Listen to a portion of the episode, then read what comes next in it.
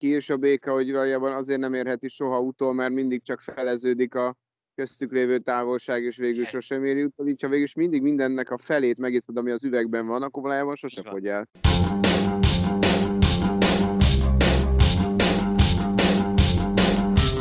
Sziasztok! Ez itt a Karanténkat hetedik epizódja, pontosan 29 évvel azután, hogy Diego Maradonát kokain birtoklás miatt 15 hónapos eltiltással sújtották. Én Galuska vagyok, vannak vendégeim, Attila például, Monc Attila, te hogy állsz a drogokkal? Szerencsére viszonylag exakt választ lehet adni. Soha semmiet nem próbáltam ki, tehát távolságtartóan. És mostanában alkoholt sem iszol. Mostanában alkohol sem viszem, így van. Ez a 20, azt hiszem, 5. nap itt távol az irodától, és ebben a 25 napban a megívott alkohol mennyiség az pont annyi, mint az életemben droghoz nyúlás mennyisége, tehát nulla. Kezdünk anonim alkoholista klubbá válni. Ö, csináltál egy podcastet tegnap, ami még nem jelent meg, de hamarosan meg fog jelenni. Mi ez? Ez így van, azt Ádival közösen csináltuk. Sallai Roland féle podcast második része volt, a magyar labdarúgó váltott beli élményekről, és egy rejtett tehetség felfedezéséről, és aki visszavonulása után ilyen Fangervel, meg Peter White, meg ilyen bravúrokra szeretne törni, szerintem ugyanis már most nincsen párja a magyar váltottban, Dácban. Tettes társad ebben a bűnben Ádám, aki Igen. nem nagyon bírta ki, hogy ne készítsen ma is valami videóblogot, vagy bármi ilyesmit. Ádám, egyetlen egy kérdésem van. A hátad mögött lévő írógépben mi van a papírra írva, ami a, be van fűzve a gépbe? Jaj, az nincsen befűzve, az kérlek szépen egy cipő dobozban volt. egy, egy, hát most nem tudom mennyire reklámhely, bár mondjuk most úgyse fizetnek érte meg, akkor se ellenőrzi senki, hogyha fizetnek. Örülnek csak a Superstarnak a dobozában volt benne az a cetli, csak ott nagyon szívesen fel is olvasom neked, csak oda kell mennem hozzá, hogy egészen pontosan mi van. De a vége az biztos, hogy az, hogy ám a Superstar, csak nem azért, amiért gondolna egyből az ember. Azt mondja, igen, I am not in it for the approval, not in it for the fame, the fans, the followers, for the attention, the likes, the views, for the applause, I'm not in it for anyone else, I'm a superstar. Ez van ráírva. Csalódott vagyok, én azt hittem, hogy valami ragyogásbeli időzet lesz. Na mindegy. Hát menjünk tovább. Itt van velünk Petúr Andris. Szia Andris, hogy néz ki Hello. most jelen pillanatban a, a Puskás stadion? Te tök sötét. Én nem értem a rendszert. Próbálok rájönni valahol a keresgélem a prímszámok halmazában az algoritmust, vagy, vagy valamilyen metódust, hogy melyik napokon világítják ki, és melyiken nem. Most tök sötét egy ilyen halvány rózsaszín lépcsőház világítás van a felémeső oldalon. Tényleg nem értem, hogy mi történik.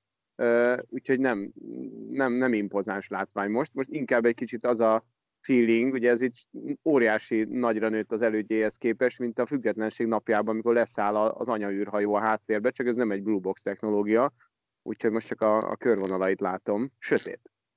Na, én ennek utána jártam, ugyanis Huvai Matyi pajtásunk, aki annak idején a Budapest Wolfsban játszott, majd utána a szakosztályban is dolgozott, most jelen pillanatban a Puskás stadionnak egyik munkatársa. Ő azt mondta, hogy nem pont, de a világosításról is egy csomó információval rendelkezett. Ő azt írta, hogy normál esetben sötétedéstől, sötétedéstől 11-ig vannak kivilágítva, akár csak a többi közintézmény. De mióta a krízis elindult, azóta ez nem általános, általában lekapcsolják, viszont nagyon figyelnek arra, hogy olyan alkalmakkal, mint például a Víz világnapján kékre, március 15-én trikolorra, az autizmus világnapján világos kékre világítsák ki, illetve legutolsó szombattól kezdve minden este 8-tól 10 percig halvány fehér szín van megspékelve egy kis villogással. Köszönet mondás ez az egészségügyi dolgozóknak és a vírus ellen harcolókért. És fontosnak tartotta hozzáfűzni, hogy napi kivilágításunk költsége átlagban nem éri el a 7000 forintot amúgy. Óriási, nagyon hasznos tudás. Akkor a mai, nem tudom, a milyen világnap van, lehet, hogy ma a sötétség világnapja van, mert tényleg egy, semmit nem látni belőle. Gyaníthatóan akkor néhány ilyen sötét napot átvészeltünk már. Ez valószínűleg... Igen. Igen, ez, ez ma a sötétség világnapja megint. így. Ez valószínűleg a krízis miatt lehet így. Csabi, Szia, Csabi! Hello. Azt Ez egy jó kérdez... játék az Andrisnak egyébként, hogy mostantól a színből nem nézheti meg, és a színből ki kell találnia mindig, amikor karanténkasztot csinálunk, hogy aznap milyen világnap van. Azaz. Csabi, úgy látom, hogy te ugyanazt a fitness trackert használod, mint én. Azt szeretném kérdezni, hogy neked milyen irányba van berúgva? Alul mér vagy felül? Ne, nekem néha nem mér. Tehát ma például az volt, hogy bejelentkeztem, mert el akartam menteni a 3,5 kilométeres intervallum edzésemet 5 kilométeresnek, és be, be, e, elsőre nem fogadta el, és akkor tudod, amikor bemész az online felületre, nem a telefonodon, akkor ott beállíthatod, hogy ezt a mai edzésedet számítsa bele az edzéstervedbe, és az alapján uh-huh. kalkuláljon újra. És megpróbáltam belépni, és nem engedett be. Azt hittem, hogy elszúrtam a jelszót, de de nem ez volt, hanem egyszerűen akárhányszor rámentem arra, hogy az edzéstervemet mutasd meg, akkor kidobott. És aztán megint nem engedett belépni. És mostanában ezt csinálja, múltkor egy órán keresztül nem, nem frissített adatot, szóval be van rúgva. Szimplán be. Hol így, hol úgy.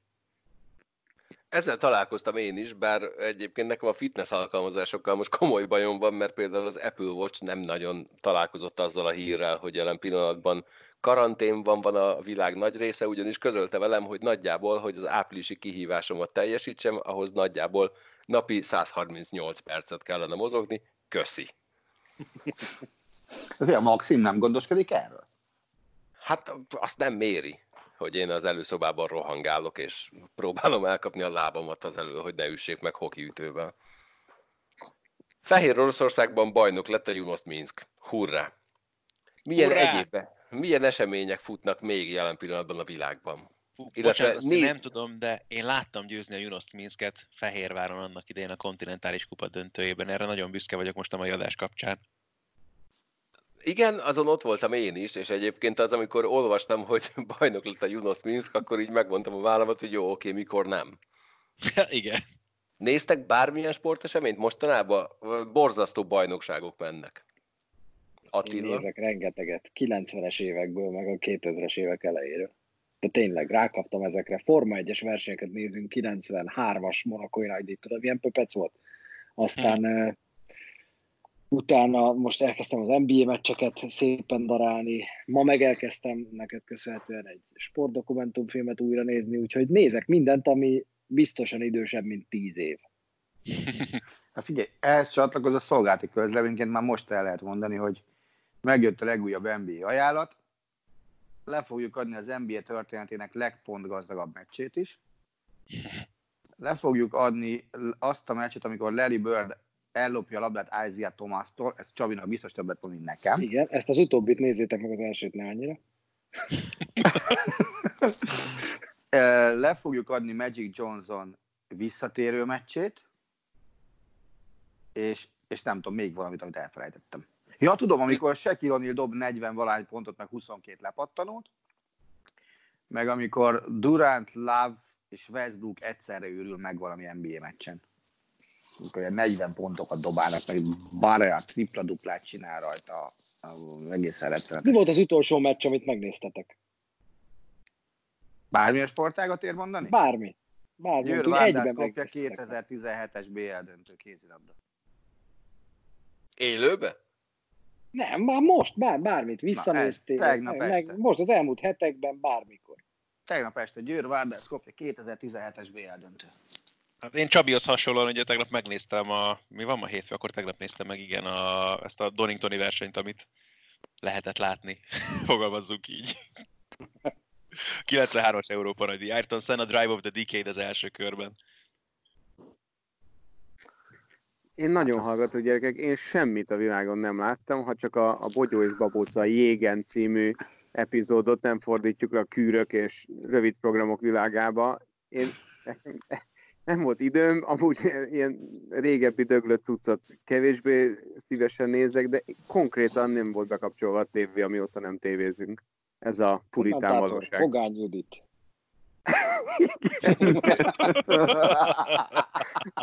és választható hangsávban, hogy melyik kommentátor hangját utánozza benne.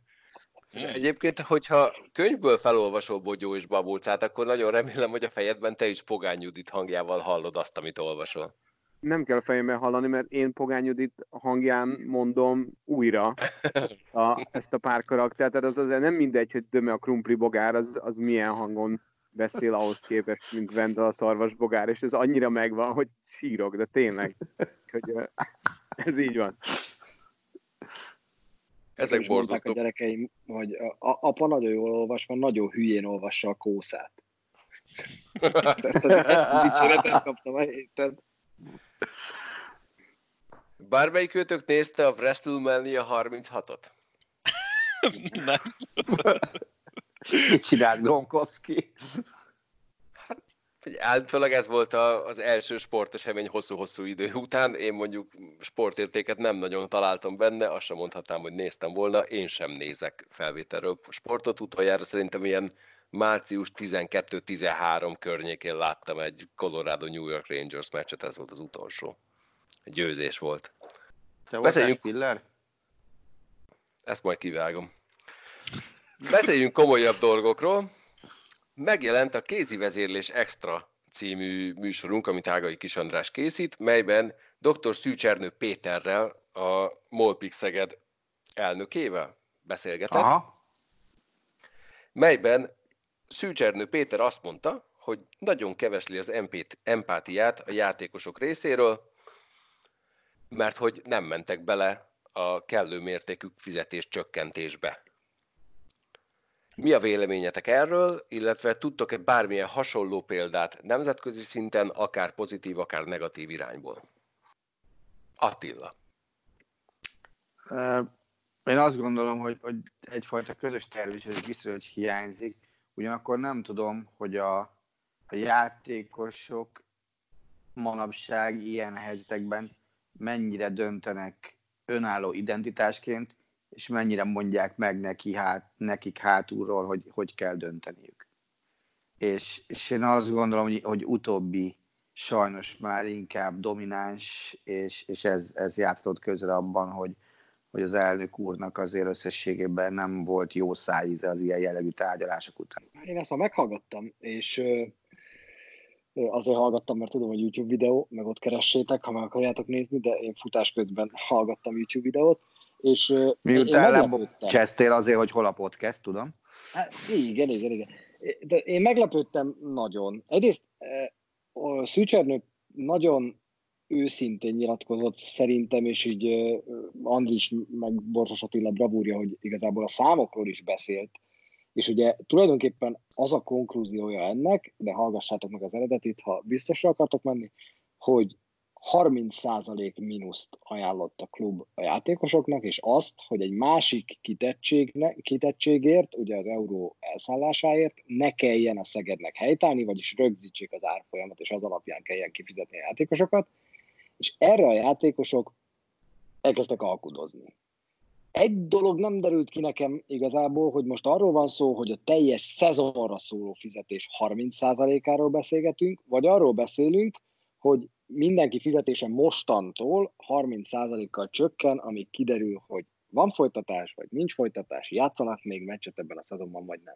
Én alapvetően nem szeretem azt a sztereotípiát, hogy a játékosok az önző szemétládák az ügynökeikkel együtt, mert, mert lánglelkű fiatal sportriporterként én is azt gondoltam, hogy ez így nincs rendjén, hogy az ügynök meg a játékos sose nézi azt, hogy, hogy mi a klub érdeke, de mára megtanultam, hogy nem. Tehát egy játékos az igazából visszafelé számol nagyjából 30-32 évtől, és neki igenis minden évből ki kell csikarni a békeidőben azt, ami abban benne van, tehát ezt, ezt most már nagyon nem így gondolom, de szerintem ezt a mostani helyzetet ezt alaposan le kell választani ettől a békeidőbeli helyzetből, és hogyha az van, hogy a játékosok akkor kezdtek el alkudozni, amikor a Szeged tett nekik egy ajánlatot, hogy mostantól 30% mínusz plusz árfolyam rögzítés, és ebben nem mentek bele, az szerintem azért probléma. Tehát azzal nekem, nekem mint Szeged szurkoló is gondjaim lennének, ha az lennék, mert, mert szerintem ez egy fair ajánlat, hogyha most megnézzük, hogy Európában vagy a világban milyen példákat találunk. Arról nem beszélve, hogy mindannyian tudjuk, hogy azért versenyképesek a magyar élcsapatok, mert egyébként viszont ezek a játékosok békeidőben olyan fizetéseket kapnak, amit nem nagyon kapnának meg csak pár ország néhány csapatától. Itt ugye ebben Én az abban egész sztoriban valószínűleg a legérdekesebb dolog ez az árfolyam ingadozás, ami még egy extra kemény szituáció a szegediek szempontjából. Azt kell nyilván ez az egészhez hozzátenni még, hogy nem tudom eleve a játékosok mennyivel számolnak, vagy mennyire számolnak azzal, hogy ők Magyarországon élnének, azon kívül, amikor ugye itt a szezon közben itt vannak, és ugye valóban, amit mond Csabi, hogy számolják vissza az éveket, amik hátra vannak a pályafutásukból, nekik azért viszont ezzel abszolút euróban kell számolniuk, és ez egy extra tényleg nehéz dolog, amikor abszolút annak a pártján vagyok én is, hogy nyilvánvalóan a játékosoknak is ki kell venniük a maga, maguk részét itt a közös teherviselésből ebben a nehéz helyzetben, de ugye azt ezt az árfolyam rögzítés dolgot azért nagyon-nagyon át kell gondolnia mind a két félnek, mert bármennyire is valóban tovább nehezíti a klubnak a problémáit, ugye a játékos meg azért nem gondolom, hogy alapvetően forintban számolna. És ez a legnehezebb ebben az egész szituációban. Én azt látom a legnehezebbnek, és most független a Szegettől, hogy az a metódus, amikor egy klub leül a játékosaival, és ugye dr. Szűcsernő Péter is arra utalt, hogy nem feltétlenül mindig jó emberek sugnak a játékosoknak, ez ugye arra utal, hogy egyesével tárgyalnak velük. Gondoljunk abba bele, hogy micsoda bérfeszültség, vagy micsoda csapaton belüli problémák vezetnek ahhoz, amikor az kiderül, mert óhatatlanul kiderül, hogy bizonyos játékosok engednek, bizonyosok engednek, de nem annyit, mások sokkal most, nagy lelkűek. Most, Andis, hogy közben, de ha jól hallottam, Szücsernő Péter azt mondta, hogy, hogy egyben ültek le a csapattal. Tehát hogy azt mondta, hogy ott még nem tartunk, hogy ne, a Cselman volt ott, és Cselman, Pásztor, Krivokapics, Erni, azt hiszem ez volt talán a négyes, akik tárgyaltak egymással. Igen, tehát az a kérdés, hogy sem csapatkapitány ö, megkapta-e a jogosultságot arra, hogy egyfajta ilyen szakszervezeti vezetőként az egész csapat nevében tárgyaljon, vagy végül ezek egyéni tárgyalások lesznek majd, mint amilyenek egyébként a bér tárgyalások, mert ugye például a labdarúgásnál sokszor elhangzik ez a szakszervezet szó, tehát például most a Premier League-ben ugye központilag ajánlottak egy fizetés csökkentést, és erre ö, mutatta meg a középső ujját a játékosok szakszervezete, ami nem jó, de legalább egyfajta egységes kezelés látszik, és mondjuk a szériában ugye sikerült átnyomni egy, egy nagyjából egységes... Nem. Ugyanezt történt, a klubok felajánlották, és a játékosok ugyanazt a középső ujjat mutatták fel. 5 perc múlva. Én azt olvastam, de akkor lehet hogy, lehet, hogy én voltam felszínes, hogy ott azért hogy ott, hogy ott valamit leütöttek Olaszországban. A klubok, megállapodtak a klubokkal, de a játékos szakszervezet azt mondta, hogy akkor szó jó, akkor jó, hogy mondod, mert akkor ezt én, én nem láttam. Tehát én, valahol én ezt, ezt tartom egészségesnek, mert szerintem az újrakezdésnél borzasztó problematikus az, hogyha ha nincs bármiféle közös érdeképviselet, és, és, és a játékosok úgy mennek vissza, hogy ott tudják a másikról, hogy az nem engedett, mert ugye aki nem enged, annak kimondva nem a nem a kluba fontos, hanem az egyéni érdekei, amit természetesen nem lehet elítélni egy az egyben, csak, csak ez nagyon rossz képet fest egy, egy, egy nehéz újraindításnál a csapaton belül. Úgyhogy, úgy ez, ez lehet a kulcs, bármilyen sportágról és csapatról van szó, hogy, hogy létezik-e minimum egy klubnak, de leginkább egy komplet bajnokságnak egy olyan egységes szakszervezete vagy, vagy játékos képviselete, hogy ez végül egy, egy, egy egységes lemondás legyen, és ne egyéni elbírálás vagy tárgyalási készségnek a, a, a kérdése. Igen, akkor tök érdekes, hogy egy más felfogású, vagy más társadalmi berendezkedési országban, mint mondjuk Németország, több helyen maguk a, a csapatok mondták, a csapatban játszó játékosok mondták azt, hogy mi x százalékkal hajlandó, x százalékról hajlandók vagyunk lemondani, azért, hogy segítsük mondjuk azt, hogy a klub meg tudja tartani az alkalmazottaikat, vagy, vagy ne kelljen nekik kevesebbért fizetni, és itt tovább. Ugye a német csapatoknál ott, ott szinte rendszeres az, hogy, hogy fizetéscsökkentés, hogy Dortmundnál belemennének, a Bayernnél belemennének, de egyelőre nem, kell, egyelőre nem volt konkrétan ezek, de van olyan csapat, ahol már most azt mondták, hogy mínusz 20, cserébe azért, hogy, hogy a, a klubházban megmaradjon mindenki. De ezt egység, tehát független attól, hogy ki mennyit keres? Vagy ez ugyanúgy, mint az adózásnál? Mindenki azt mondta, hogy százalék. Tehát mind, mindenki azt mondta, hogy 20 százalékot elenged a fizetéséből. Ami, ami szerintem egy tök korrekt lépés.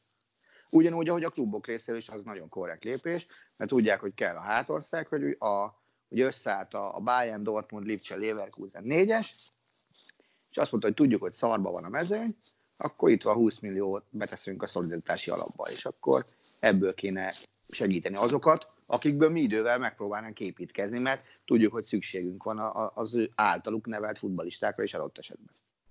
Persze ez, ez kell az is tényleg, hogy, hogy Németországban ne legyen egy, egy baromi erős játékos szakszervezet, mint ami mondjuk Angliában van. Mennyire lehet érdekes? bocs, annyit akarom mondani, hogy, hogy kézilabdában voltak korábban erre ö, való utalások, vagy, vagy próbálkozások, de, de tudtam, hogy ilyen egységes kézilabda ö, szervezet, tehát játékosokat képviselő szervezet nincs, tehát hogy azért a focihoz képest ö, ez egy sokkal problematikusabb terület. És emlékezz vissza, hogy ott, ott történelmi esély is mutatkozott el, hogy legyen egy ilyen, amikor volt egy videó, most meg nem mondom, hogy tavaly vagy tavaly előtt, hogy, hogy túl sok a meccs, és ugye összeálltak a sztárjátékosok Karabatistól Oftadálig, hogy, hogy basszus, álljatok már meg, mert szeretnénk kiszállni ebből a mókuskerékből, mert kicsit sok. És, és még egy ilyen megmozdulás után sem sikerült létrehozni egy olyan érdekvédelmi szervezetet, amit bárki is komolyan venne pillanatnyilag. Az Egyesült Államokban egy csomó olyan játékos szakszervezet van, amelyik bármit képes elérni, például akár azt is, hogy elmaradjon egy komplet szezon, de Donald Trump szombat este összehívott egy konferencia beszélgetést az összes major ligának a vezetőjével, és egyetlen egy játékos szakszervezeti képviselőt sem hívtak meg. Trump azt mondta, hogy csak így tovább, minden nagyon jó lesz, és az NFL-nek szeptemberben el kell indulnia. Akármi történik. Az összes többi... Nézőkkel. Az összes többi ligának ez milyen üzenet? Meg egyáltalán a játékosoknak milyen üzenet ez? Nyilván Trumpnak nagyon fontos a novemberi választás előtt, hogy valami olyat mutasson, ami mindenkinek marha szórakoztató és izgalmas. Hát az alapján, amit hallani lehet meg olvasni azzal kapcsolatban, hogy New Yorkban mi a helyzet, meg a Central Park közepén állítanak fel egészségügyi központokat, hát hogy is fogalmazzak, nehezen látom magam előtt így hirtelenjében.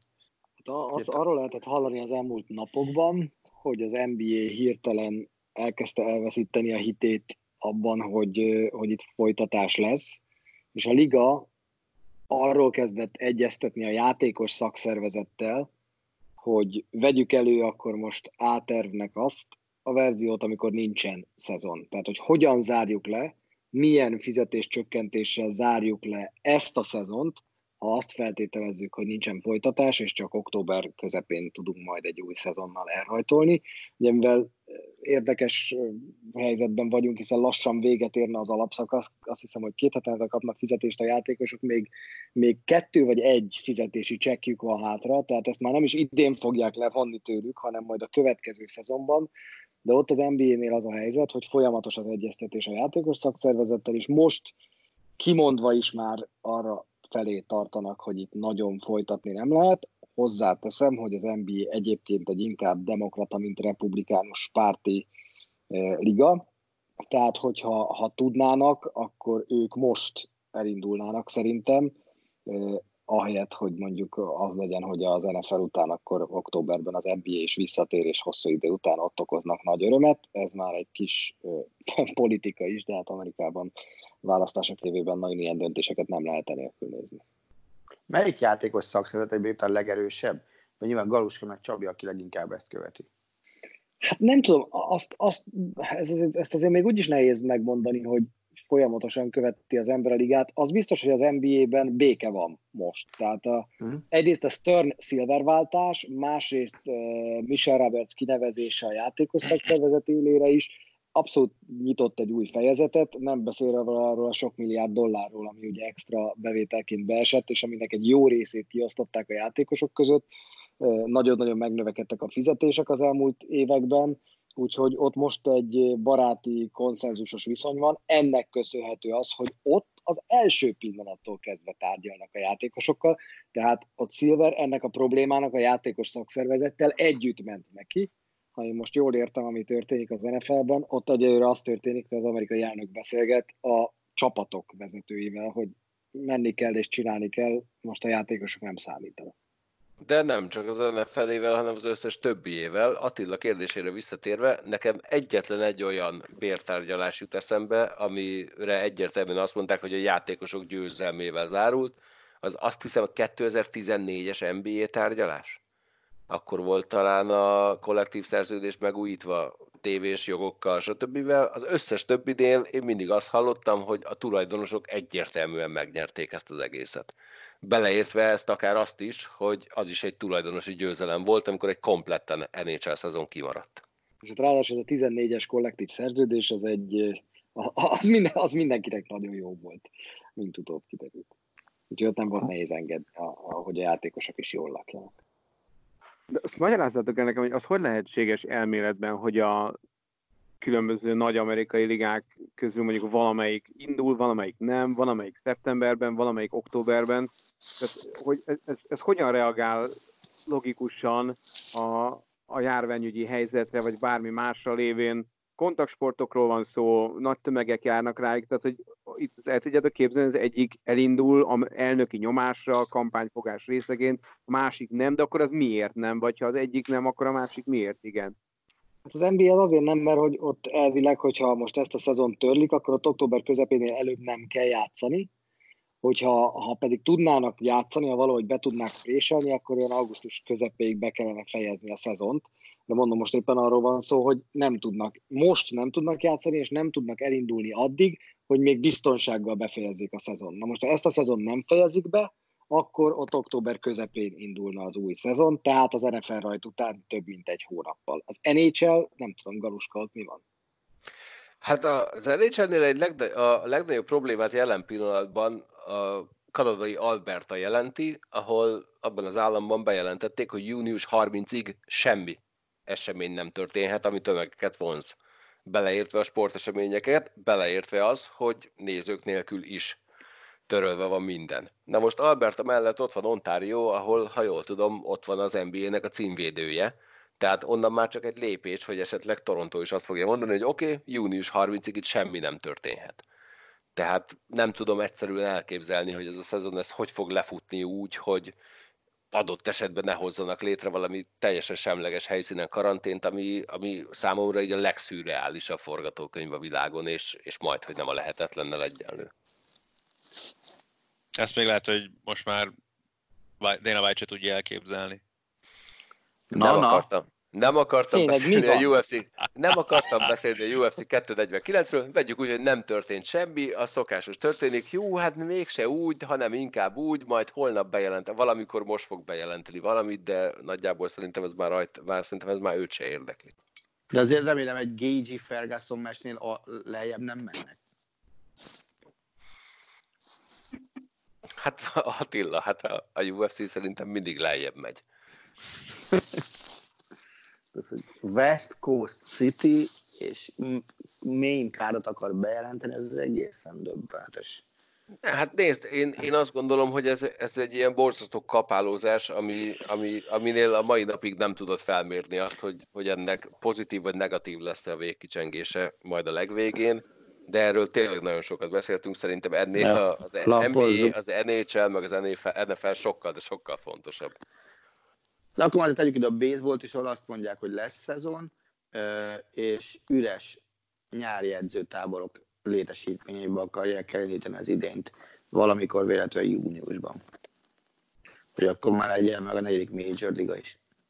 Hát az furcsa, le... az meghatározó szerintem, na, amit Andris kérdezett, arra, arra akkor ez a, ez a jó válasz, hogy azért a, baseballnál látni kell, hogy elmered-e indítani a szezont, mered-e azt mondani májusban, hogy te júniusban indulsz, mert azért az, az alapvetően meghatároz sok mindent.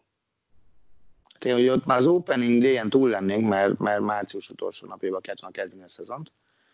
De, de most a pillanatnyilag úgy tűnik, hogy, hogy reális forgatókönyvként számolnak azzal, hogy egy júniust megpróbálnak úgy elkezdeni, hogy ahol az edzőtáborok vannak, azért az, az egy ilyen majdnem, hogy megyei szintű stadionok csak, nézők nélkül, de játszani kell.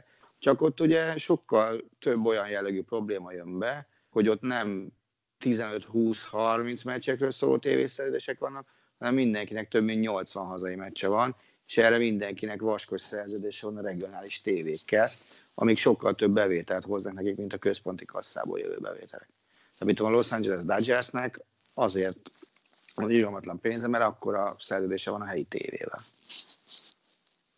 Igen, de amikor nagyon-nagyon rossz indulatú akarok lenni a baseballlal, akkor azt tudom mondani, hogy nekik egy fél szezon is ugyanagy, ugyanolyan hosszú, mint mondjuk egy NBA vagy egy NHL alapszakasz, olyan kb. 70-80 meccset játszanak a csapatok. Igen, ők ugye március végétől szeptemberig játszák az alapszakaszt. World Series az meg október végén, november elején van. Hát Meg ott ugye gyakorlatilag megállás nélkül játszanak kis túlzással a csapatok, ugye 1-7-6 162. Aha. Egy, egy hét, hat meccs. Nagyjából ez az ütemterv, úgyhogy van olyan csapat, amelyik mondjuk úgy játszik, hogy meccset játszik, utazik, és másnap egy másik városba, onnan ezer kilométerre újra játszik. De és azt képzeld el ebben a helyzetben, hogy csak egy valakiről derül ki, hogy megfertőződött. Tehát, hogy igen. De meccs sorozatok dőlnek ki igazából kapásból megint, tehát hogy ott se látom nagyon az értelmét jelen helyzetben. Jelen pillanatban úgy tűnik, hogy az első amerikai sportközvetítés az április 24-én az NFL draft első köre lesz, ahol azt mondták, hogy sem a csapatképviselők, sem a műsorvezetők, sem a játékosok nem lesznek egy helyen, hanem valahogy megoldják, hogy online foglak csatlakozni, mindenki boldog lesz otthon több ezer mérföldre attól, ahonnan kiválasztják, hogy kiválasztották, és ebből próbálnak majd valami tévéselet kreálni. Lesz az első sportközvetítés? Hát, bocsánat, ja, igazad van, ez a wrestling menü a 36 volt tegnap. Én azon gondolkodom, hogy akkor mindenki megkapja az összes sapkát, és akkor ott lesz előtte az asztalon? Igen, hát a, lesznek ilyen problémák, hogy, hogy hogy adod át a sapkát, hogy fogod odaadni a meszt, hogy fogtok közös fényképet csinálni, de amellett ez... Szerel az mekkora, nem? Tehát, hogy odaállna, és akkor egy ilyen filter így feltenni a fejedre a live-ban. Ez egy abszolút nem megoldható rossz, dolog. Nem rossz ötlet, szerintem ezt szabadalmaztatjuk, és majd eladjuk nekik marha drágán. Azért, azért ilyen helyzetben milyen lesz Joe Burrow-nak azt megtudni, hogy akkor megyek a Bengázba, és akkor vágjak hozzá jó pofát a virtuális térben. Nyilván ez borítékolható, nem, hogy ő lesz az egy per egyes galus. Oké, okay, de, de ugyanez milyen volt Alexander Ovechkinnek egy per egyesnek lenni egy olyan szezon előtt, amit tudták, hogy nem fognak megrendezni. Tehát ezzel Ovechkin lehet élni. Egész szépen fölitta magát az ötlenisták élére. Tehát ez, ezzel lehet élni, ez érted, egy jó esetben ez, ez lesz egy tök klassz történet, amikor majd elmesélheted 47-szer egy héten, hogy fú, milyen marha jó volt, amikor engem, én, engem abba az évben draftoltak egy per egyesként, amikor így marhára nem nyúlt senki senkihez. Ebben a körben én meséltem már, hogy hogy nem láttam játszani Jevgenyi Málkint. Nem. Nem. Na hát ez ugye ez a szezon, amikor ugye átjött Európába a fél NHL a lockout miatt, és uh, ugye Malkin Magnitogorskban játszott, mi uh-huh. pedig, ők pedig úgy jöttek, hogy egymás után, hogy először Pozsonyban játszottak egy meccset, aztán Prágában a Levvel, ami azóta ugye már nem is létezik, meg nem is hallottunk róla már nagyon régóta. Van és... egy busz, amit Budapesten lehet látni. Igen? Rendszeresen fel, Igen. csak szólok. Bizony. Na, lényeg, hogy ugye Pozsonyban lett volna azt hiszem, hogy szer, kedden a mérkőzés és szerdán Prágában, és azért választottuk Prágát végül, mert a cimborámnak, aki szervezte egyáltalán a túrát, volt kint ismerőse, egyszerű volt megvenni a jegyet. Kedves egyezett meg az NHL, és mentek Így történt, egészen konkrétan. Szerda reggel el Prágába, és akkor vettük tudomást, hogy akkor, ugye egy dolog, hogy Malkin se, de ugye Goncsár is ott volt a Magnitogorskban, uh, azon gondolkozom, nem fog eszembe jutni a kapus, aki védett a Levben szintén, azt hiszem, uh, na, Pöpperle? Létezik, hogy ő akkor ott lett? Volt olyan. Igen, meg, uh, meg Zenohara ugye, uh, várj, a, a, nem Hára, várja, várja, várja, várja, Hára, nem biztos ma ebben játszott. A Mészáros játszott ott? Meg Visnyov, a lényeg, hogy, hogy jó, kis, jó kis párosokról maradtunk így le, de így sem volt rossz egyébként a meccs, tehát óriási volt egyáltalán látni nyilván egy KHL meccset élőben, de azért, hogy így hogy konkrétan aznap, amikor elindultunk, tudtuk meg, hogy mi a helyzet, hát ez nem esett olyan nagyon jól egyik. De Vaskuti azon nem ment ki forgatni, és nem volt valami ugyanilyen bukta valakinek? Nem, nem, nem, de nálunk olyan volt, hogy kimentünk egy SKA Szentpétervár meccsre talán, Pozsonyba, hogy majd milyen marha jó lesz, megnézzük, izé, Dáciukot, meg hát ő pont nem jött el, neki nem volt kedve. Köszi. Aztán amikor Ilja Kovácsukkal sikerült interjút csinálnunk, hát abban nem volt köszönet, mert kb. csak azt nem mondta, hogy figyeljetek, marhára nincs kedvem interjút adni, de nagyjából ezeket elmondta csak más szavakkal. Az UEFA-nál sem egyszerű a helyzet, ugyanis ott Alexander Cseferin először bejelentette, hogy augusztus harmadikáig be kell fejezni a szezont, aztán utána ezt a hírt tagadták, hogy így történt, de megdorgálta a belga szövetséget, miszerint ők bajnokot hirdettek. Lehet-e az, hogy, hogy az UEFA ennyire belenyúl a dolgokba, és nem figyeli azt, hogy egy országnál milyen az egészségügyi helyzet, és azt mondja, hogy egységesen kell fellépni, akármi történjen, nem lehet külön szabályokat hozni. Azért kíváncsi vagyok, hogy ez hogy fog finomodni majd a későbbiekben egy első körben azért. Tehát korainak is érzem, hogy egyáltalán itt most arról beszéljen bárki, hogy most akkor miért csinálták ezt, vagy miért. Azt ugye a belgáknál az külön érdekes, hogy ott még rájátszás következett volna, meg hasonló finomságok, hogy eldöntsék a bajnoki cím sorsát. Ugye azt fűzték még hozzá most ehhez a történethez, hogy az UEFA majd akkor eldönti, hogy akkor kit engednek, ha egyáltalán indulni Belgiumból a bajnokok ligájában, Európa ligában, stb. Nem nem, nem értem igazából, hogy erre most miért van szükség ebben a helyzetben egyáltalán. Szerintem sajnos, ahogy egyelőre látjuk a dolgokat, még baromira ráérünk azon filózni, hogy egyáltalán mit kelljen az UEFA-nak dönteni azzal kapcsolatban, hogy kik meg hogyan indulhatnak majd a BL-ben. Én érteni vélem, szerintem ők a precedens jellegtől tartanak nagyon, mert egy, ha nem is a több, ott öt több, top bajnokság egyike, de mondjuk egy azok után következő másodvonalas európai bajnokság kimondta, amit kimondott, és nekik ez valamire nem jönne jól, mert nem szeretnék szerintem, hogy ez bátorítólag hasson akár az olaszokra, akár az angolokra, mert az, az már tényleg nem lenne jó, és azért emlegették akkor, hogy a Brüss majd eldöntik, hogy fogadják-e a BL-ben, vagy sem, mint Belgiumban kikiáltott bajnokot, mert eddig tart a hatáskörük, eddig tudnak nyúlni, tovább nem. Úgyhogy számomra ez így elég világosnak tűnik, hogy, hogy ebben az van benne, hogy, hogy nem tartanak attól, hogy, hogy a bajnokság egy jelentős része nem, nem fejeződik be, mert az nem, nem néznek jól.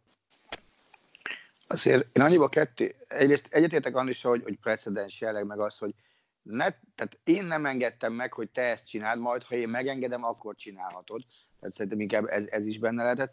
Másrészt én azért venném külön a top 5 bajnokságot, mert azoknak a résztvevői sokkal erősebben függnek a tévés pénzektől, vagy mint az összes többi bajnokságban. Tehát a belgák meg is mondták, hogy befejezhetjük, mi nem függ, nekünk nincs akkor a tévés bevételük, hogy ez szempont legyen.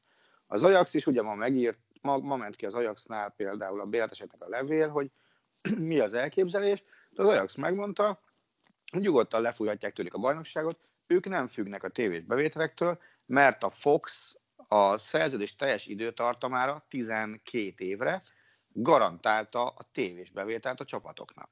Minden ha és akkor nélkül. Na most ilyen a top 5-ben nincsen. Tehát ott meg kell küzdeni a lóvér, ami nyilván előre el van költve, meg be van tervezve, tehát ott azért van sokkal erőteljesebb harc, hogy folytatni kelljen, mint, mint bárhol máshol. Sokat kérdeztétek, breaking news, 20 perccel ezelőtt Dana White bejelentette, hogy lekötöttek egy harcot, 100% élőben az ESPN-en, valahol a világban Tony Ferguson és Justin Gagey találkozik majd egymással április 18-án. Lesz narancsága a gridbe. Na hát Attila, ezt, ezt szerintem csak miattad csinálták. Húha. Hát csak azt kell megmondaniuk, hogy honnan. Hát, Na, hogy hát, somewhere on earth. ez a mondás benne? Ez, ez a mondás benne, somewhere on earth. Azt a kur... Majdnem azt. Hát így. Hűha. Te, te akartad, viheted. Hát figyelj. Már attól félek nekem kell majd, na mindegy. Tóth Sanya mehet be dolgozni, promót gyártani. Á, nem, azt küldik neki majd. De hát azt rendbe kell azért rakni. Tehát jól lesz, hogy miénk az első közvetítés a nagy csend után? Aha. Ha ez tényleg lesz, akkor igen. A nagy csend közben. Közben, igen. Hát Előtted van Pista vagy Tocsa arca, amikor ezt meg tudja, hogy én szerintem, Le... figyelj, ez 18-án van ez a meccs. 16-án kéne egy Pista versus Tocsát rendezni, hogy ki közvetít. Élőben, Somewhere on Earth. Hát de ráadásul ugye most már ezeket a... De várj, az egyel amúgy is fel van pörögve, hisz, hiányzik neki a konditerem, már ütni akar. Már, már Pontosan tudja egyébként, telefon. hogy hogy kell padlót fogni, tehát az is egy, az is mellett. Én, az az igazság, hogy én a Pistát padlót fogatni is láttam már, úgyhogy ő erős. Na, kiröhögtük magunkat, úgyhogy váltsunk témát. azt tudtuk, hogy lesznek olyan hírek, amiknek nem fogunk örülni ebben az időszakban. 73 éves korában elhúlt Tom Dempsey, aki arról volt híres, hogy 1970 novemberében megdöntötte 63 yarddal az NFL mezőnygól rekordját. Azért is volt ez nála érdekes, mert úgy született szegény, hogy sem a jobb kezén, sem a jobb lábán nem voltak ujjak, ezért speciális cipőben kellett rúgnia. Szabályt is változtattak miatta nagyon-nagyon sokáig, egészen 2013-ig ő volt a rekorder. Tudtok-e bárki olyat, aki, aki úgy született, olyan testi adottságai voltak, hogy, hogy egyszerűen lehetetlen volt, hogy, hogy sikeres legyen abban a sportágban, amiben szerepel, aztán utána mégis sikeres lett. Hát nekem egy ugrik be, de az NFL-ben nem tudom kiejteni a keresztül, milyen Griffin, aki most került be egy vagy két éve a ligába. Félkarú fiú. emlékszem. Fél, így van, aha, igen. Én nekem, nekem ő, ő az, aki, aki biztosan beugrik. Bekerült, és, és ráadásul még nem is ilyen 777. helyen elkelt játékosként talán. És a másik, aki hiányos, ez még egy, az Kristóf uh, Bielecki, akinek az egyik szeme, az nem is tudom, mi történt vele, de lényeg az, hogy ő egy szemmel kézilabdázik, amivel, amivel lát rendesen, illetve talán Zlatko Horvát az, akinek két vagy három ujját, akinek legalább egy ujját, mintha minimum félig amputálni kellett volna, és ő is ugyanígy kézzel Bieleckinél ez nem úgy volt, hogy ő már pályafutása közben sérült meg a szemben. De hát még most is játszik. Az oké, okay, nem, csak ezt akartam, hogy ugye Galus azt mondja, hogy olyas valaki, aki, aki úgy került a sportákba, hogy már ja, igen. Már eszembe jutott nekem jó, is. Erre a két példa, mert akkor, akkor nem, ők nem így kezdték, ők, ők pályafutás közben sérültek meg, és nekem az, is, az, nekem az is jó, hogyha olyanokat mondtok, akik úgy tudták folytatni, ami, ami, Na, amire azt gondolnátok, hogy olyan sérüléssel, testtel nem lehet. Ez a kettő, ez, hát vagy kézlabdázni, amputált újja, hogy lehetne dobó kézen, a úristen. Nem, az, nem, lehet, hogy keveredni. Hm? Lehet, hogy aztán keverem, és akkor adja magát. Ne, nem, Iván Csupicsra gondol szerintem. Valóban igazad van, Csupicsra gondol. Igen, igen, igen. Jogos. Iván Csupics, akinek egyébként egy egészen valószínűleg balesete volt, mert beleakadt az eljegyzési gyűrűje valamibe, és azt tépte le az ujját. Igazad van, hát, gondoltam, igen. Igen. És ő így nyert el. Úgyhogy... Ja, ja. Hát Mick Duennek volt még a pályafutás elején nagyon fiatalon egy horrorisztikus baleset elszemben, amikor tényleg ripityára tört a lába, és ugye ez azért volt kellemetlen, mert a hátsó féket is lábbal használják a motorversenyzők, és akkor neki át kellett alakítani a motorját. Aztán később már azt mondták, hogy lehet, hogy ez előny is volt a számára, hogy ő azt is gyakorlatilag a kormányról kezelte, mint az első féket, de onnak így nyerte aztán a világbajnoki címeit egymás után az 500-asok között. Ezek az eljegyzés gyűrűk ilyenek, amikor én csináltattam a egy gyűrűmet, akkor azt mondta az ékszerész, hogy ha titádiumból csináltatja, akkor figyeljen arra, hogy nem a gyűrűt fogják levágni, hanem az ujját. Szerencsére erre még nem volt példa. Megvannak a hírességek csardokának tagjai az NBA-ben. Három játékost fognak beavatni, Kobe Bryant-et, Kevin Garnettet és Tim Duncan-t. Van-e bárkinek bármilyen személyes története ezekről a játékosokról, hogy Csabi nem Duncanről beszélhet? akkor nem én kezdem. Jó. De akkor hasonlókokból én sem.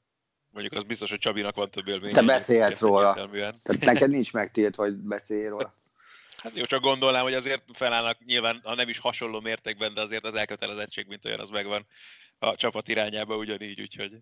Én Tim duncan egyszer láttam élőben játszani egy Berlin bemutató mérkőzésen az Alba Berlin ellen. Két dolgot vettem észre, hogy Tim Duncan úgy működik a palánk alatt, mint ilyen teljesen autista, aki érzelmek nélkül az arcán csinálja a dolgát.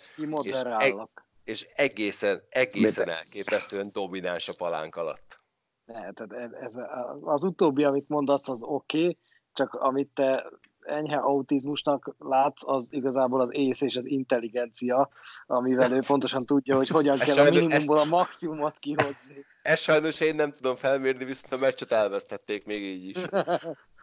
De én nekem igazából szerint nekem ez a Hall of Fame osztály évfolyam, ez, ez, az én, ez az én kedvencem, és ez is lesz a kedvencem, mert ezek azok a játékosok, akik mind a hárman a legnagyobbak közé sorolhatók a sportágukban, és, és tök érdekes, hogy mindegyiket igazából egy szóval le tudod írni. Bryant a szorgalmával jutott oda, ahova Garnett az irgalmatlan akaratával, és Duncan, Duncan meg az eszével és az intelligenciájával. Mind a hármat imádom a játékát, a pályafutásán érdemes végignézni, és azt példaként tenni bárki elé szerintem, és lehet, hogy most kicsit ilyen meg fognak sértődni rám a Jordan imádok, de nekem ez a Hall of Fame class, ez jobb, mint a 2009-es. A, azzal együtt, hogy abban benne volt, volt Michael Jordan. Ki volt még másik kettő?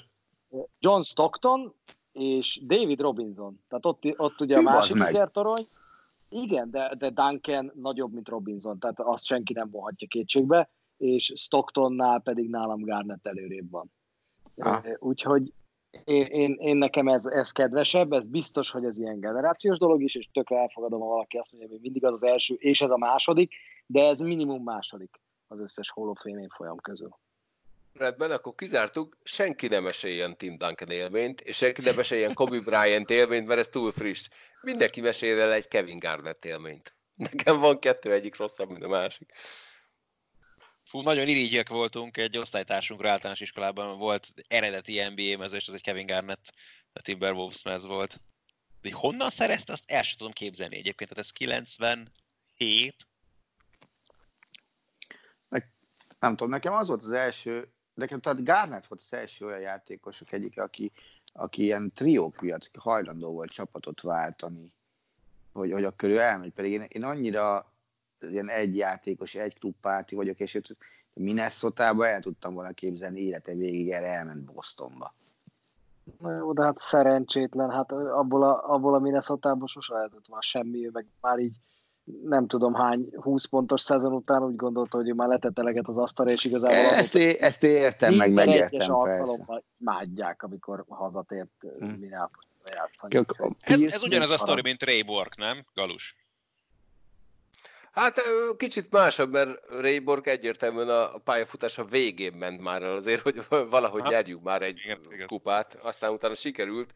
Az egyébként, az, az, én láttam azt a Boston-Colorado meccset, amikor Rayborg először játszott a Colorado csapatában Bostonba.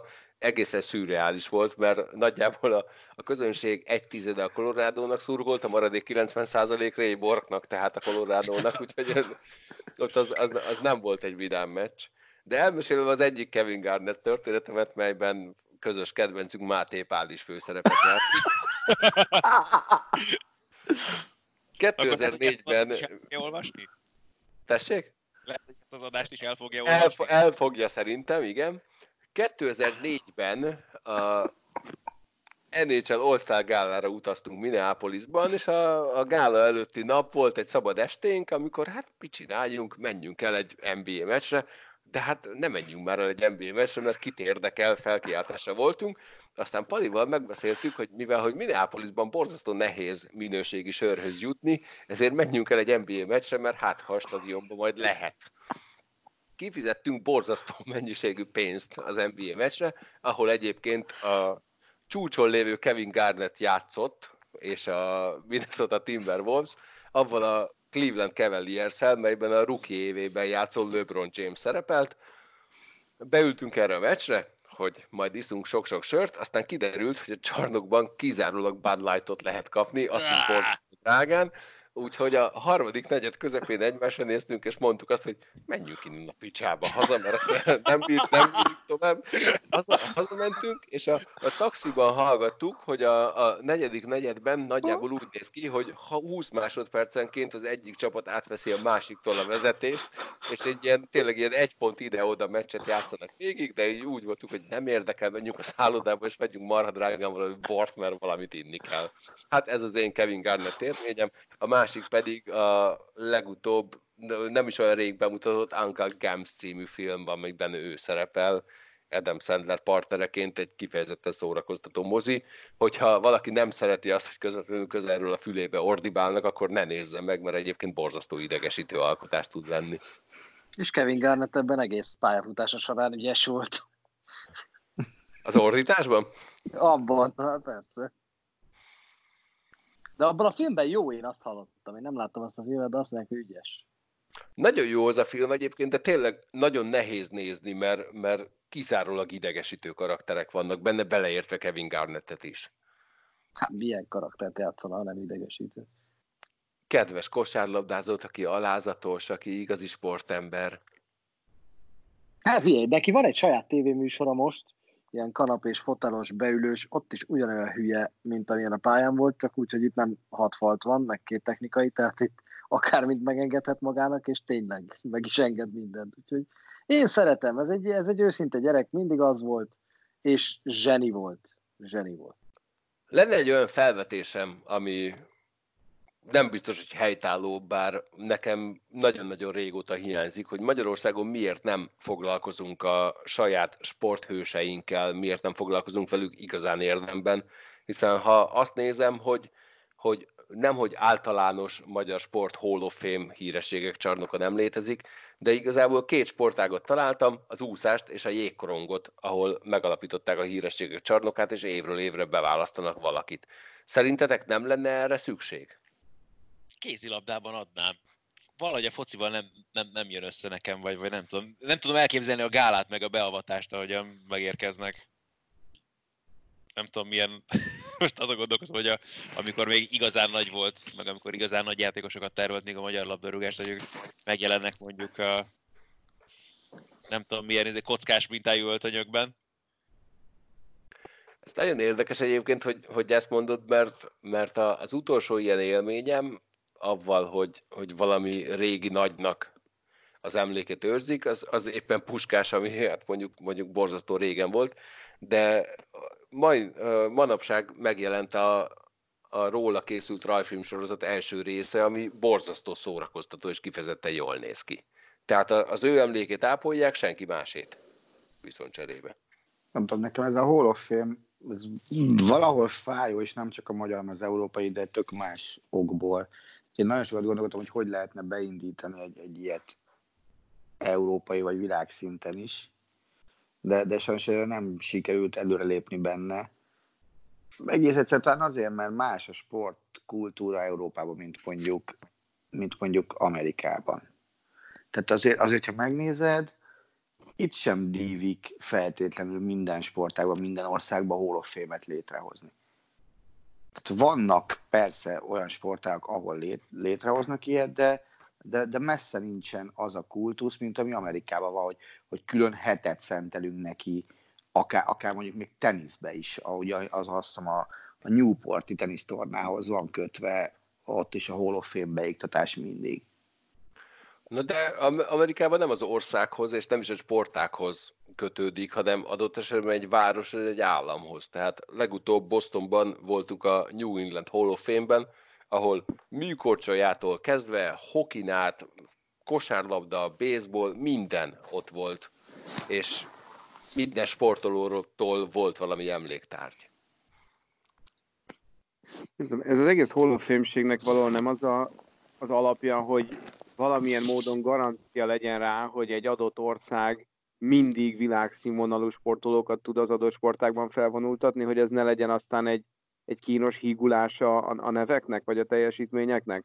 Ugye amire Ádi gondolt, gondolom a fociban itt ugye e, e, ez a kellemetlen, hogy kik, kik után kik kerülnek be adott esetben, és de Hegyíván szavai, bár ezeket nem mondtak itt vannak előtt, hogy Atya Úristen, hogy lehet akár egy bármilyen csoportban mondani mondjuk mai játékosokat a 20-30-70 és 2500 évvel ezelőttiekkel, és nyilván az úszás, a magyar úszósport az egy olyan sport, amely e pillanatban úgy tűnik, hogy garantáltan világszínvonalon teljesít, és, ad világ és olimpiai és Európa bajnokokat, de, de ha ez nincsen, akkor, tehát ha nem egy ilyen garantált minőséggyárról van szó, mint akár a, az amerikai kosarasokról, vagy a mondjuk magyar úszókról, akkor, nehéz ezt az intézményt elképzelni, hogy, mitől maradjon fönt.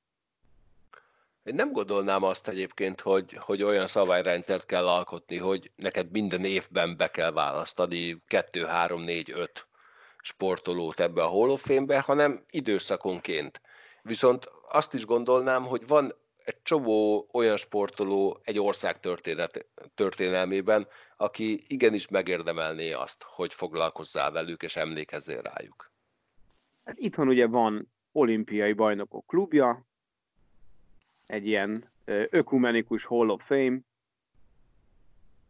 Hát meg egy picit ilyen a nemzet sportolója, nem? Hát de van és, a ez a, és a következő, az ez tök, tök jó. igen. Ez a következő, amit akartam mondani. Tehát van olimpiai bajnokok klubja, és van nemzet sportolója. És úgy érzitek, hogy velük mindenki úgy foglalkozik, ahogy kellene? Tehát mindenki Nagyon, ismeri... nem, nem, nem. Én azt gondolom, hogy annyi mindent csinálhatnánk velük, tehát annyi mindent kezdhetnénk, sokkal több mindent. Tehát, hogy az, hogy a 2000-2010-es években mondjuk, a, tehát hogy a nemzet sportolóiról legyen igenis egy olyan dokumentumfilm sorozat, ami nem egy, nem egy ilyen kötelező egyórás, de mondjuk ilyen 30 for 30 szintű sorozat, amiből megismerhetjük őket, amiből aztán albumot lehet csinálni, amit lehet adni gyerekeknek, ezt én is nagyon hiányolom. Tehát én sokat beszélgettem sportolókkal ilyen, ilyen filmekről, és mindig elmondták például, ha már az úszókat említette Andris, hogy, hogy az egérszegi film az, ami, ami a mai napig hajt előre egy, egy, egy gyereket, hogy, hogy úszó legyen. És mondjuk ez, ezekről, ezekről a nevekről nagyon sokat azért nem tudsz meg, hogyha nem nézel magad utána. És én azt gondolom, hogy ebben tök igazad van, Galuska, hogy igazából ezek a dolgok eléd kéne, hogy kerüljenek.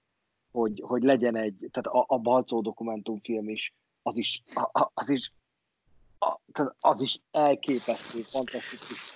Arra fekete-fehérre gondolsz meg? Arra, arra, a küldetésre? Mindketten tátott szája, így van.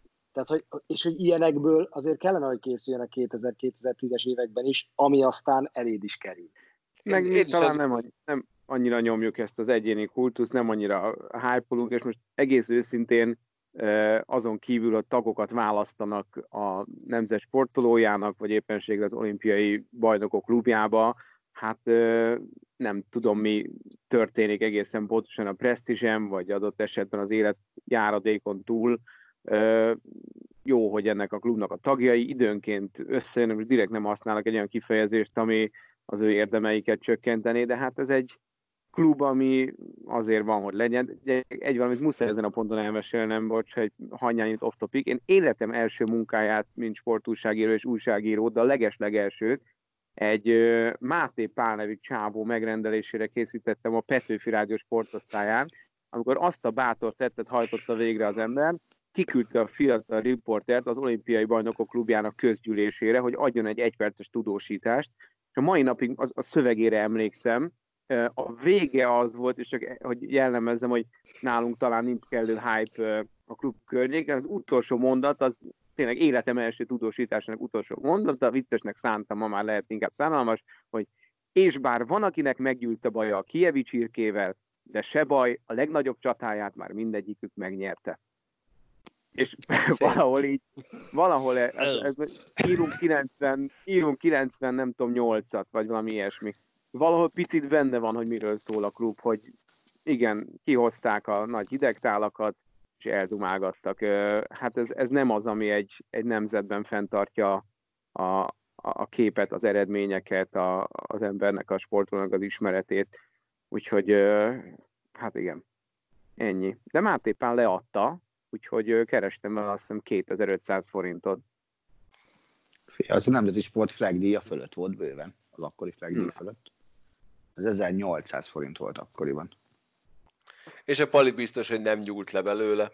Viszont ha már itt tartunk, akkor mindenkitől kérdezném azt. Kettő dolgot szeretnék kérdezni. Az egyik az az, hogy ki az a magyar sportoló, vagy mi az a magyar sportesemény, amiről forgatna egy dokumentumfilmet, illetve a másik kérdés, hogy mi a kedvenc sportdokumentumfilmje, ezt ajánljuk hallgatóinknak is. Kezdjük Attillával. A második az könnyebb, én Akkor kezd az elsővel. Nagyon jó. 1986-os VB magyar válogatott felkészülése és szovjetek elleni meccs lefújása közti időszakot. Nem De titkosították 50 évre? Ezt akartam úgy, hogy mindenki őszintén mondjon el mindent, ami ott történt. Csak úgy, úgy lenne értelme. Én, én arról szeretnék egyet, nagyon.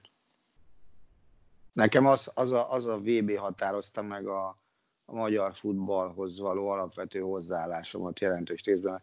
Tíz évesen az ember mindent elhisz, hogy, hogy mit világot fogunk verni, és minimum elődöntés, új, új, új. Aztán kisírom, kis... Mondjad? Én azt hiszem tíz éves voltam, és a diplomata táskámon, amivel az iskolába jártam, rajta volt a magyar válogatott matricás arcképcsarnoka.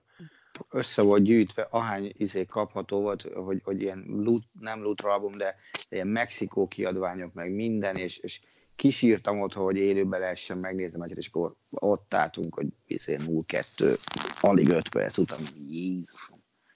Sírtam a végén, arra emlékszem. A és mi a kedvenc dokumentumfilmen? Az pedig a Back on Board, a Greg, Greg Luganis film az HBO-ról. Uh-huh.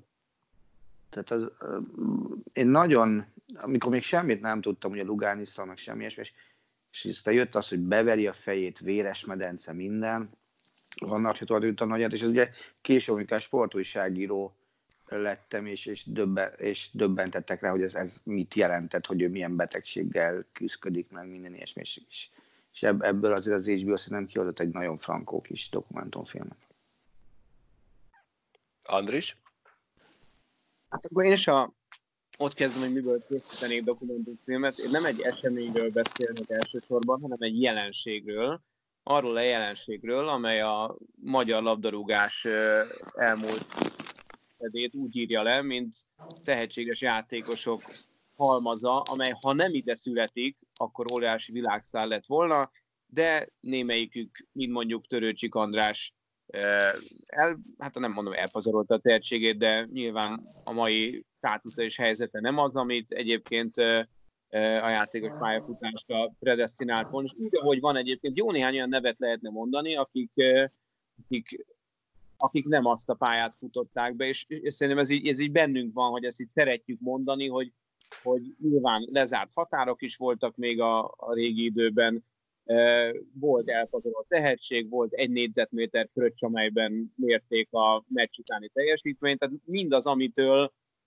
sose lett igazi világszár, jó néhány olyan futballista, akinek mindenki szerint annak kellett volna lenni, és aki látta őket, az teljesen két volt, nagyon, de, de ez a témakör engem valamire érdekelne, hogy ez, ez mi ez a, a Magyarországon elpazarolt tehetség, ez, ez, ez miért van. Akkor a dokufilm, az nekem is egy úgy film lenne, és még éppen egy maradónás nyitó mondatot eszkábált össze ma nyitányként, és nekem ez a tavalyi Diego Maradona című HBO-s dokufilm lenne, ami elképesztő jó, ugye egy olyan ember jegyzi, aki Tennáról is csinált már, tehát nem áll messze egy brit rendezőtől, Akádiától ez a, ez a műfaj. És azért valami izgalmas, mert eljátszik ezzel a párral, hogy Diego Maradona, a film egyik része szól Diego-ról, aki egy aranyos, érzékenyes, tök intelligens, helyes srác megáldva azzal a tehetséggel, ami volt neki, és szól erről a Maradona nevű katáról, aki gyakorlatilag átvett az uralmat Diego felett, az egész film egy kicsit olyan a koncepció, mint hogyha egy egy skizofrén embert írnánk le, ahol hol Diego van fölül, hol Maradona van fölül, de végén ugye az történt, hogy Maradona átvette az uralmat Diego felett, és szól hogy az ember nem tudta kezelni azt, hogy Nápolyban történt vele, szól hogy mi történt közte és a Nápoly maffia között, és hogy, és hogy hogy lett belőle végül az, aki, aki ő most olyan erős mondatokkal, ami azt mondja, a trailerben is benne van, de azt mondja valaki, hogy Diego-val a világ végére is elmennék, Maradonával egy lépést tennék meg. Erről a, ahogyan az ő kereszt és vezeték nevek két különböző személyiséget leír, barangó vonalon ez a film Diego Maradona röviden a cím és az ember, amiről, amit én ajánlom. Két óra kegyetlen film a Maradona, nagyon-nagyon jól szórakoztam, ugyanakkor nagyon-nagyon rosszul éreztem magam közben. Ádám, te kiről forgatnál, és neked mi a kedvenc dokumentumfilmed?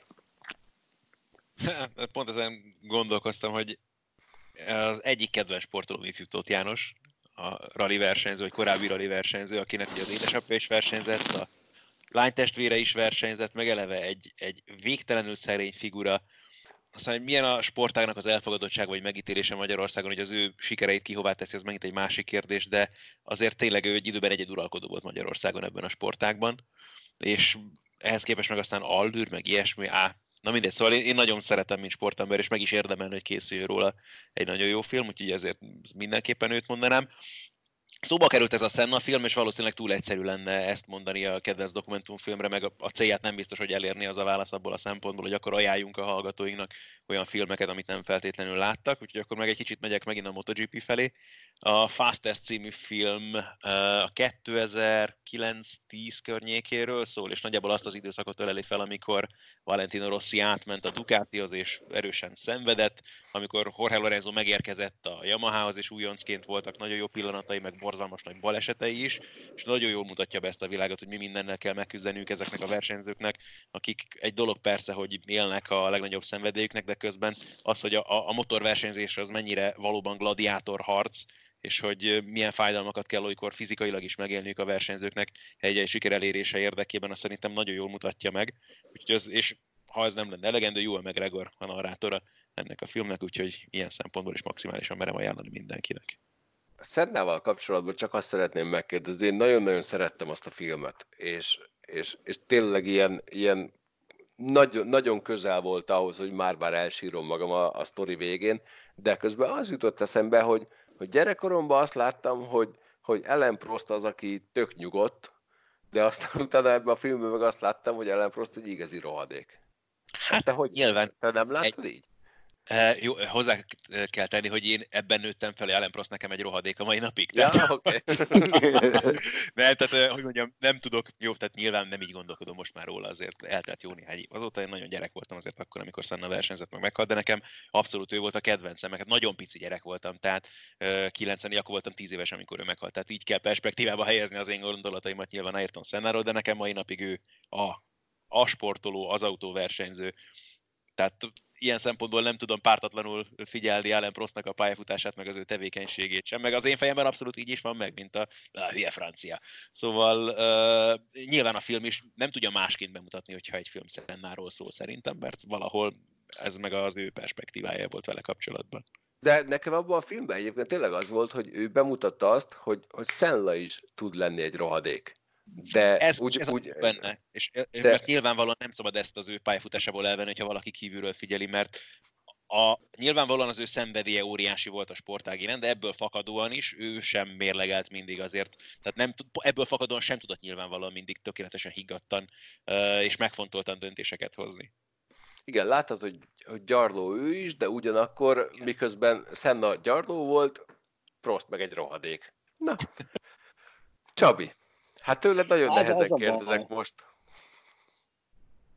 Hogy kiről ez forgat, ezekkel a... forgatnál, azon lépjünk azt túl. Is mindjárt, azt is mindjárt elmondom, de, de most azt akarom elmondani, hogy, a, hogy az a baj ezekkel a, az, az ilyen nagy konfliktusokról szóló dokumentumfilmekkel, mint az én kedvencemmel is egyébként a, a, az egyik kedvencemmel, a Once brothers ami ugye a 30 for 30 sorozat, és ami Vlada Divac és Dražen Petrovic kapcsolatáról szól, hogy most, hogy ugye voltunk Boszniában egy évig, és nyilván gondolhatjátok, hogy bárkitől azonnal erről kérdeztem, ott azért kiderült, hogy igazából, és ez picit elvet nekem a film értékéből, hogy igazából ez a barátság sose volt mély.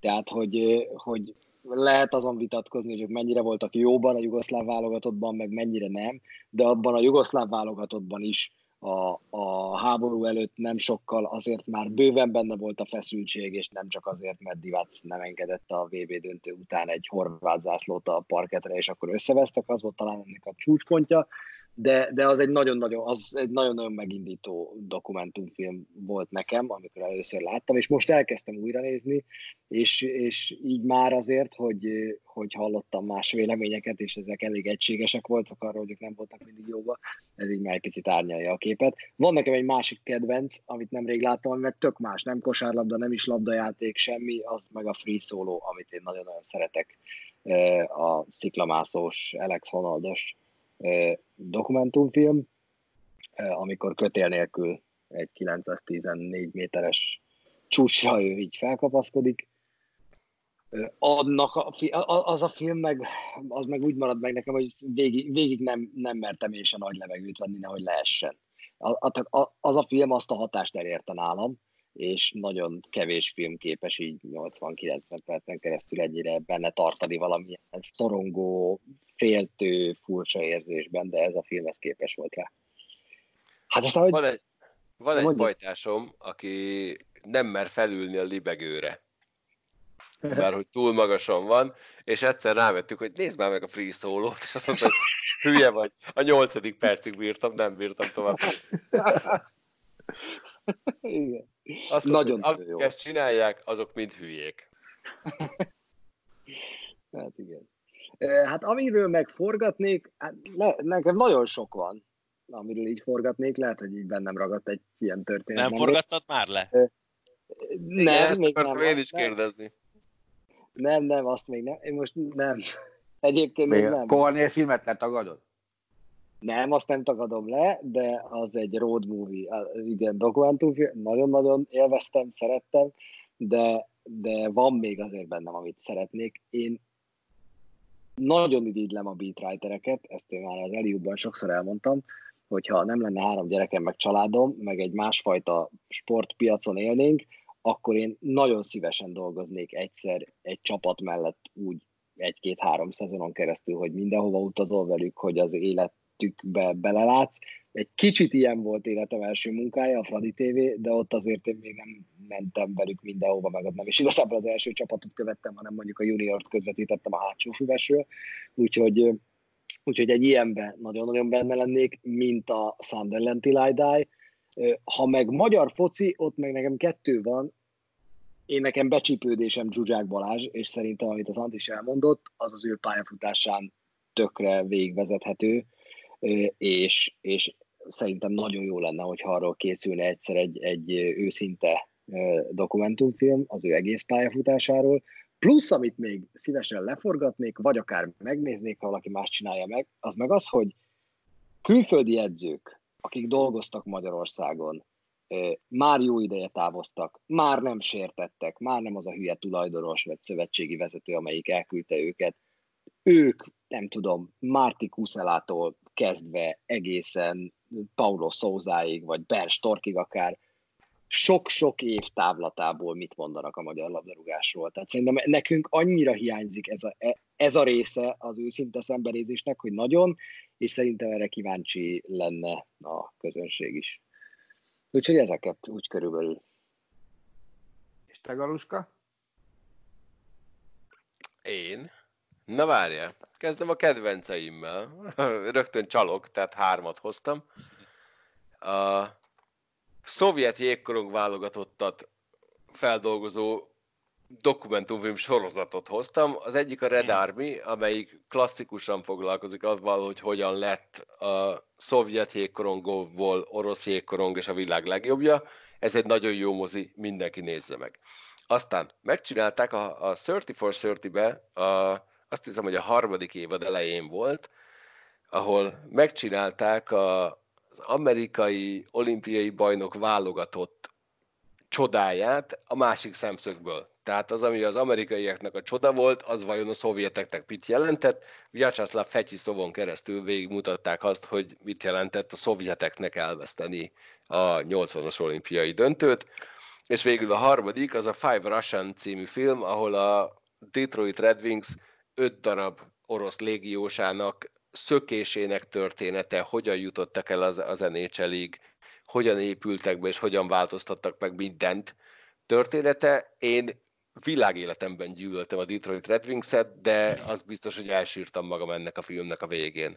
Amikor a Bencsics Mártnak megmutattam ezt a filmet, ő csak annyit írt vissza utána, hogy oké, okay, de hogy a picsába lehet valaki Colorado szurkoló ezután.